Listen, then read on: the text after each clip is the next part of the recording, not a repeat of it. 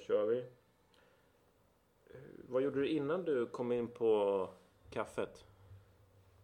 Ja, det är så länge sedan så jag kommer inte ihåg faktiskt. Men jag har jobbat med kaffe sedan jag var eh, 14-15 år så det är inte så mycket jag har gjort innan det. När det kommer till eh, arbetsvärlden. Så direkt när jag började jobba då var det kaffe. Så Cafémiljö så du jobbade med kaffe på Kreta då?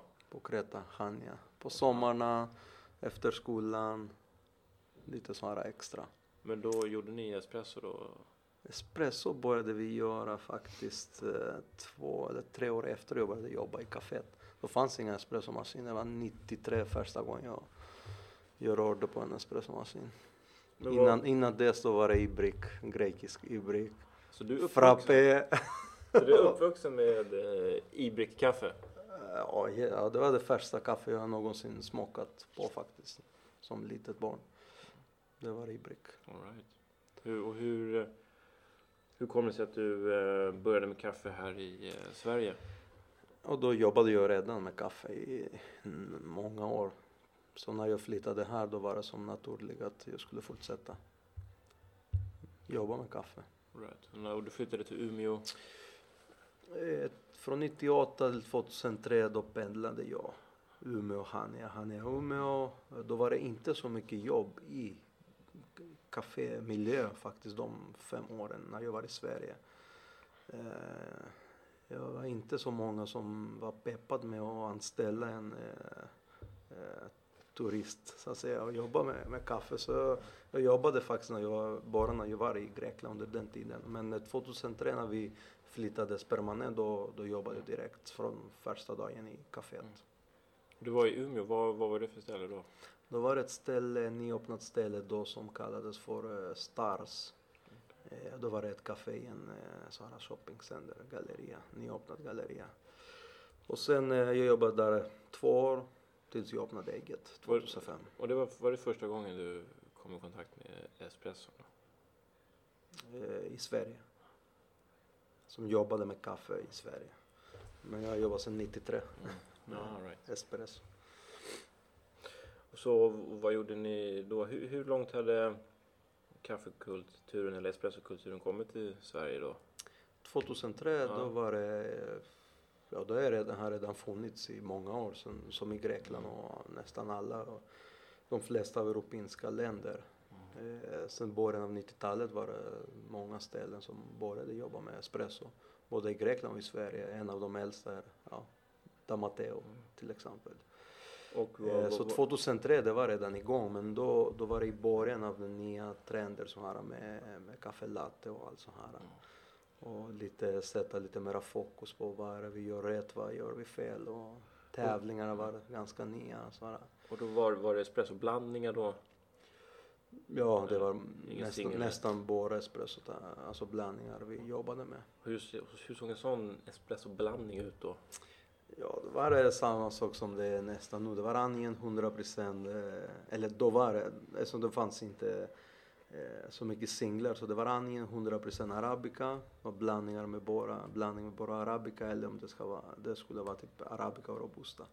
Och då var det 10, 15, 20, 30, 40 procent och ganska mycket robusta. Många av de blandningar som fanns redan då. Ja. Och det tyckte, var, tyckte man det var gott på den tiden? Ja, både och. Mm. Vissa av dem eh, upplevde som var riktigt bra, vissa eh, ja, katastrof redan då. Okej, du jobbade där på Stars. Japp. Vad hände sen då? Sen eh, öppnade jag eget 2005. Restaurang och kaféet. Och 2004 var första gången jag ställde upp på Barista Cup i Sverige. För första gången i mitt liv. Och hur gick det då? Det gick ganska bra. Jag kom till final. Det var, eh, jag tror att typ 70 eller 80 baristor i deltävlingar då. Det var jävligt Ja. stort. Kom till semin, sen kom till final och kom på fjärde plats. 2004, vem, vem var det 2004. som vann då? Det var eh, Daniel, det. Och Johan eh, eh, från Solde som blev bäst champion. Vann latte art. Ja, just det, han vann ju världstiteln också Ja, året Eh. efter. i latte art. Det stämmer. Och vad körde du på för kaffe då? Då hade jag på det café vi jag jobbade hade vi Kals och då hade jag jättebra relation med Johan Ekfeldt som jobbade på Kals då. Så jag sa till Johan, du får skicka upp lite färskt kaffe så jag får, kan tävla med det. Då gjorde han det. Han skickade tre, fyra olika sorter de hade och jag tog de där kafferna som var alla tre var blandningar och olika rostningsprofiler och mer eller mindre robusta på alla de där tre, fyra han skickade upp. Så jag tog de kafferna och började blanda ihop dem och ta fram en, ett eget. Så jag gjorde en blandning av blandningar faktiskt. Okej, du, nöj, du nöjde dig inte med eh, Ja, ja, precis. Ekfeldts eh, val där? Nej, men då var det ka- ja, eller kals. Det var kaffe som de har haft i flera år. Så här, de. Men jag ville göra något, något annat. Så jag började blanda ihop dem och testa, fra, testa och se vilken som var, skulle anpassa bättre mina drinkar. Och, ja. Så det, någonstans här så växer, ett, eh, växer frön, fröet till lite kaffe? Till att laborera, Ja. eller? Ja. ja, det var mest mycket del av laborering var det, börjades vid den tiden jag började tävla faktiskt.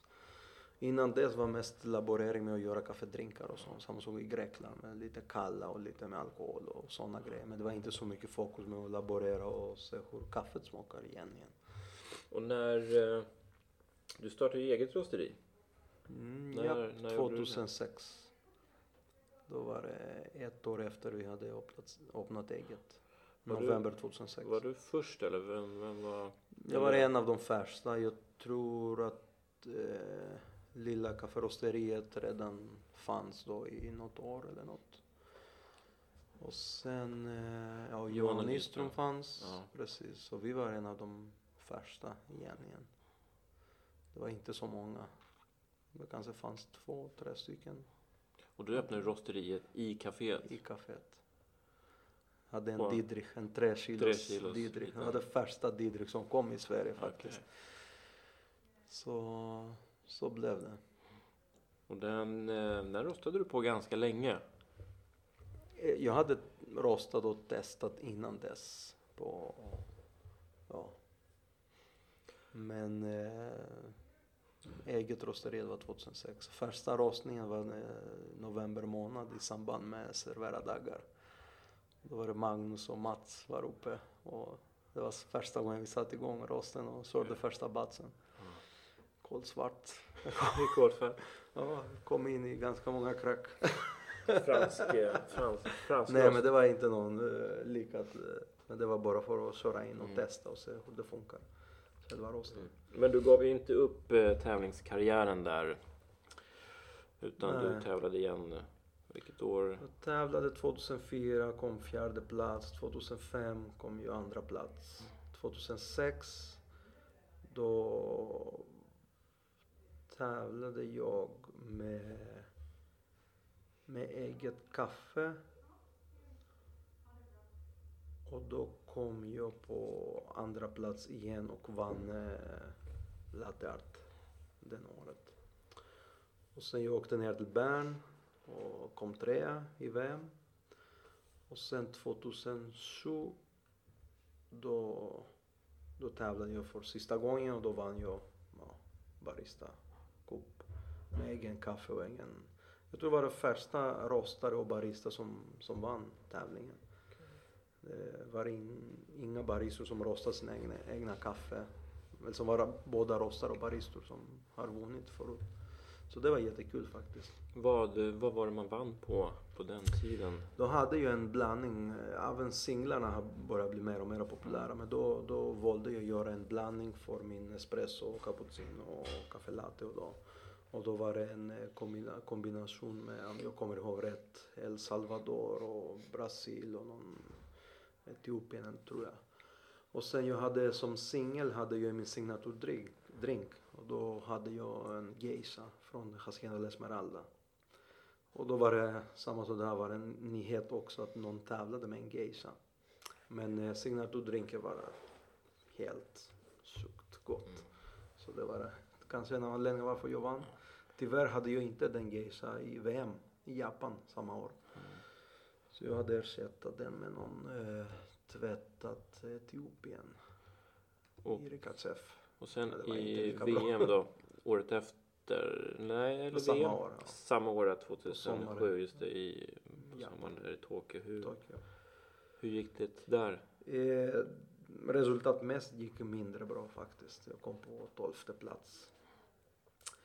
Så det var inte den förväntade resultat. Men då, då, var det, då hände ganska mycket grejer faktiskt under den tävlingen. Tyvärr.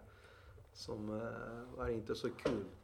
Jag Jag var det var så lite... sugen att ja. presentera och, och komma med så, så mycket nya saker och då funkade det som negativt i slutet. Ja, det var Så lite domarskandal och... Då, en jättestor domarskandal och jättemycket reaktioner. Med allt, nästan allt jag gjorde var ganska så här, de var ganska anti. Det var lite, kändes som att du kom med för mycket nya saker som inte Samtidigt, fanns i protokollet. Och, Ja. Och de var ganska, var, jag vet inte om det var, det var på protokollen, det var som en policy att man ska inte gå ifrån den som står på protokollen. Så många av de här grejerna som jag gjorde då som första gånger som standard idag. Och eh, kommer någon med något nytt då blir det inte reaktionen. De bedömer inte nyheten, de bedömer resultatet av den nyheten. Men då var det som ganska mycket negativt att, att eh, man ska ha två kvarnar och inte en kvarn och två hopper som jag gjorde till exempel. Nu är det som standard att det är klart du ska inte ha åtta kvarnar, du ska ha Nej. hoppers istället och ställa in dina kvarnar. Det visar lite handverk också. Du gjorde ju någonting, eh, du var väl först, nu vet jag inte hur mycket man använder det idag, men double fisting Mm. snackade ju många om. Vad Ja, det var så brygga alla fyra espresso eller två dubbla samtidigt. Det var en nyhet också. Som eh, folk brukade inte göra i VM. Eh, Men det är som standard eh, nu liksom. Det är ingen som gör två och två och sen serverar de så här som vi gjorde innan. Men jag tänkte det är klart man, man brygger alla fyra espresso och kommer fram till domarna och alla upplever, upplever sina dryck samtidigt. Men då var det en fel också enligt domarna den tiden. Men det är väl ganska standard idag att man vill... eh, Ja, om man, Man- tittar på, på, eller på nej. tävlingar, det är, Nej, idag då behöver du inte servera det samt, samtidigt. Nej, nej. det får inga avdrag för det. Nej. men ändå, de som tävlar, baristorna gör ändå. Så det som, som get, alltså naturligtvis att man doserar båda portafilter och köra det. Varför ska man inte göra det? nej. All right. Eh, Okej, eh, Sen har du, har du börjat eh, vid sidan om... Eh, ni har ju restaurang. Eller ska jag säga, ni hade restaurang och ni hade café och, och rosteri. Vi kommer tillbaka till det. Men ni har haft väldigt många bollar i, eh, i eh, luften. Eh, och, eh, och så samtidigt så eh, har du gått in på tillverkningssidan också Japp, och tillverkar lite barista-verktyg. Vad, vad är det för något du har tillverkat? Ja, när jag tävlade då, då försökte jag hitta lösningar som jag tyckte att det inte fanns den tiden. Så 2006 när jag skulle tävla i Bern i Latte art mästerskapet, då ville jag, som jag gjorde även 2007, jag ville brygga alla mina espresso samtidigt. Och då, då hade jag lite problem med spill och sånt. Då hade jag en Matze Robur och det var en snabb eh, eh, kvarn och eh, jag ville använda eh, två handtag och hålla dem med en hand och sen ja, lite så här jobba lite snabbare. Men problemet är att jag hade lite problem med spill. Det var lite så, ja. Så jag jobbade med ganska mycket överdosering och sånt. Så jag uppfann en, eh, en eh, ring så att säga som man stoppade ovanpå eh, portafilter så man kunde fånga kaffe och, och göra lättare för sig att dosera och, och distribuera och sånt. Och den ringen hade jag haft på den tävling. Det var bara ett par prototyper jag hade gjort på aluminium. Sen jag hade den, ja, jag hade den i Sverige och jag hade den i VM där i Bern. Och sen efter det jag fortsatte använda det i, på jobbet, alltså på, i, till vardags. Eh, I många, många år. Och sen jag försökte lite utveckla det och göra så att det blir, sitter fast på portafilter och sånt. Och några år efter jag såg att det började fin- komma, komma lite liknande produkter ut i marknaden. Då tänkte jag ta steget och börja producera min första så här, uppfinning. Och då 2011, 2012 började jag slutföra själva idén och började med ritningar och, och kom fram med den slutprodukt som vi kallar för IDR, Intelligent Dosing Ring, Okej. som så- kom ut i marknaden 2013 All right. Och, slutet. och den finns fortfarande i produktion? Yes. Yes. Vi har sålt eh, nästan 15 1500 exemplar som har ja, gått i, nästan runt i hela världen från Korea till Kanada och från eh, ja, Panama till eh, Australien. Okej, Många hel- i Australien. Hel, I hela världen alltså? Ja, Mellanöster också.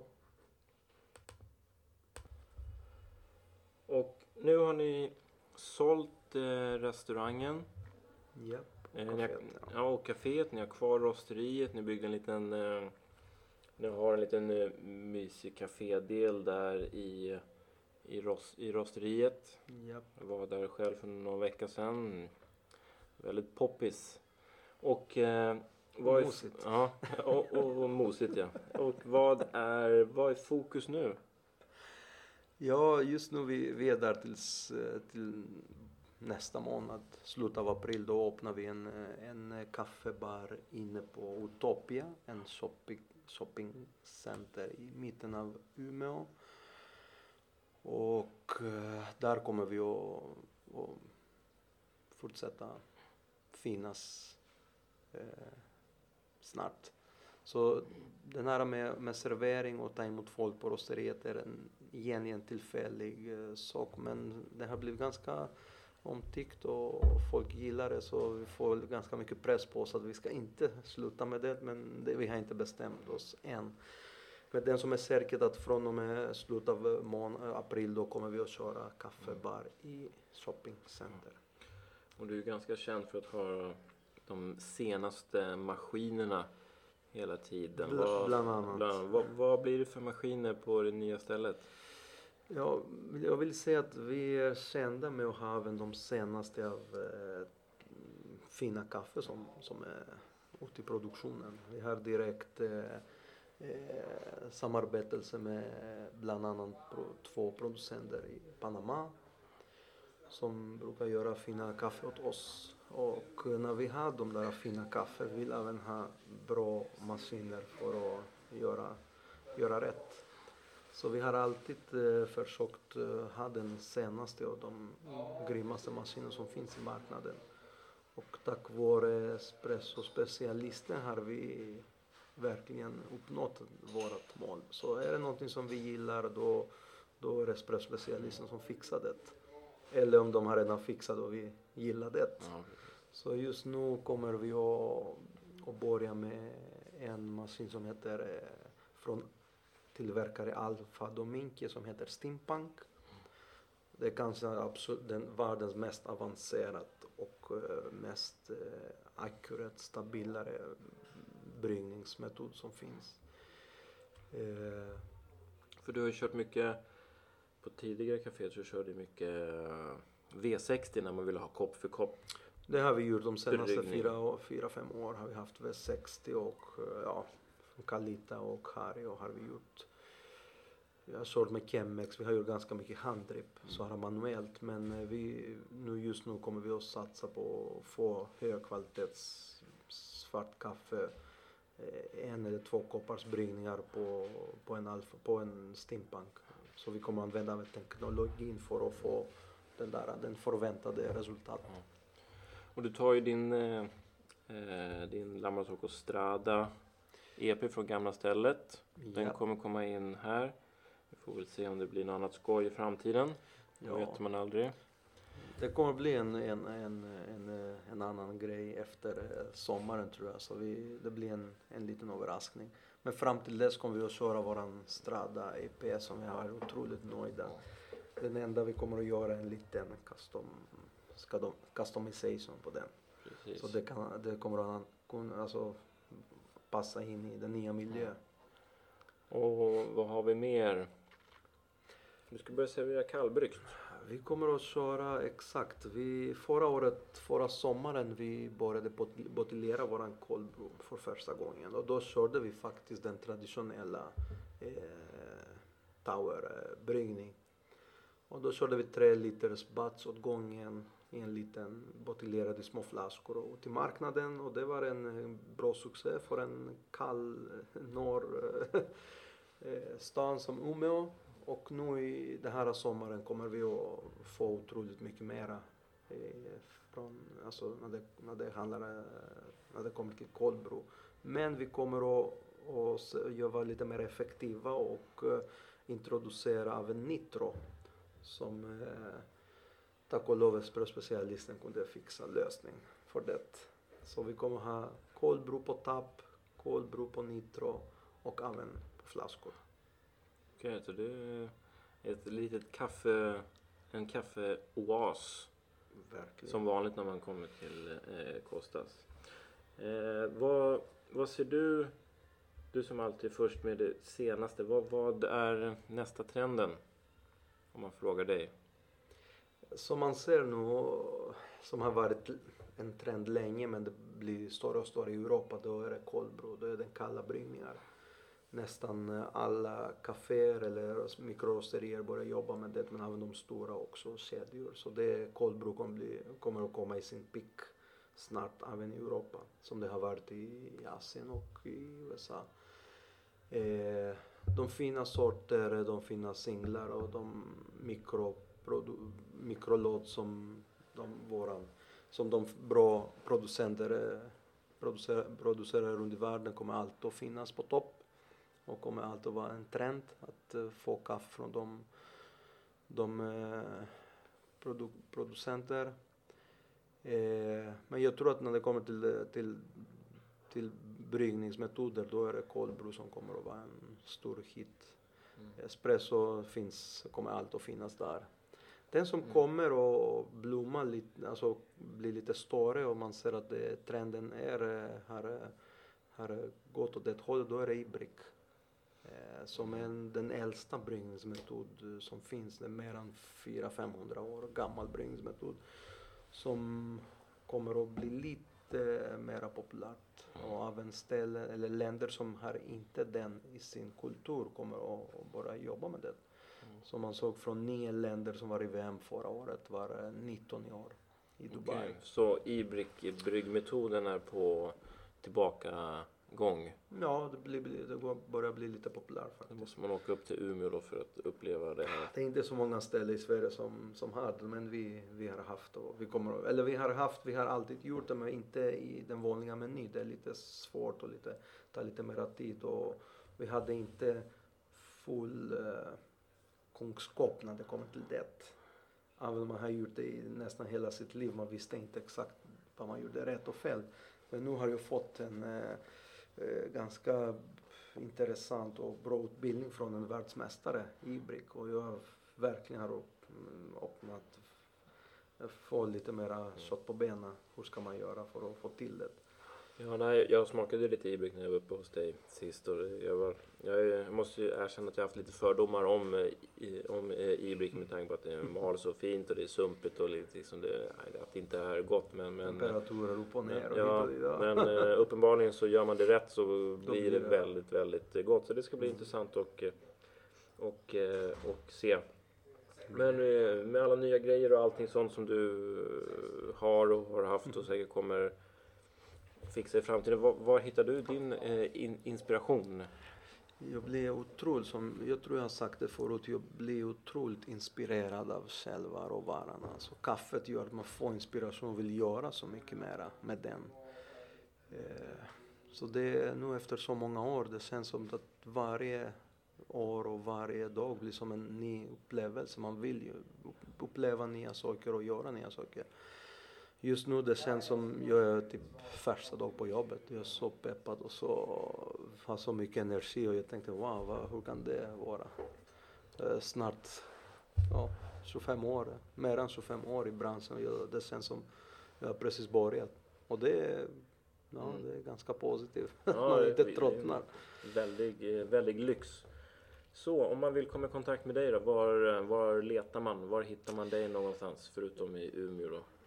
Ja, vår våran bas är i Umeå, men eh, företaget som vi kallar för Costas of Sweden eh, finns även på, på webb. Vi har en webbshop, eh, vi har hemsidor som man kan komma in och hitta oss. Vi har produkter, kaffe med mest eh, den där IDR som finns ja, nästan i hela världen.